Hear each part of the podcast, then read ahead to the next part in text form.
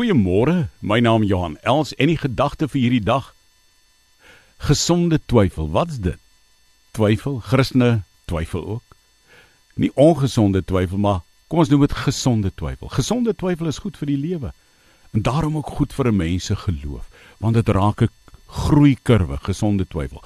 Ongesonde twyfel is wanneer jy eendag hierdie span ondersteun en die volgende dag weer 'n ander span. Gesonde twyfel is wanneer jy 'n span ondersteun, sê net maar 'n rugby span of 'n sokkerspan of 'n netbalspan en die lojaliteit vir jou so ernstig is dat jy krities is.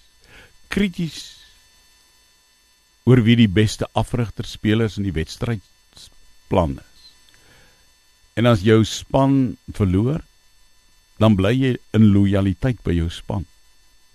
Maar jy jy vra Nou hoekom het hulle so swak wedstrydplan gehad? Hoekom was die afrigter so? Hoekom het die spelers dit en dat gedoen? Maar jy bly by daai span. Maar jy kan krities wees en jy kan jou ek wil amper sê loyale verset of loyale twyfel in kritiek uitspreek teenoor daai span wat jy ondersteun. Maar jy bly lief vir jou span. In verhoudings werk dit ook.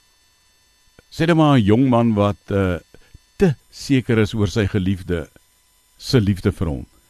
Daai jong ou kan baie arrogant raak. Maar 'n sweempie van onsekerheid en twyfel maak dat hy hard in die verhouding bly werk.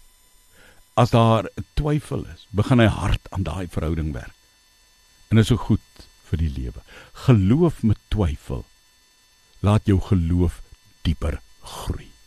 En laat daai gedagte jou omvou, omvat omdat ek en jy in die holte van God se hand lê. Sien ek wat hom vashou nie.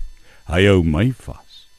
En wanneer my geloof met gesonde twyfel deur 'n drif loop, laat dit my geloof dieper groei.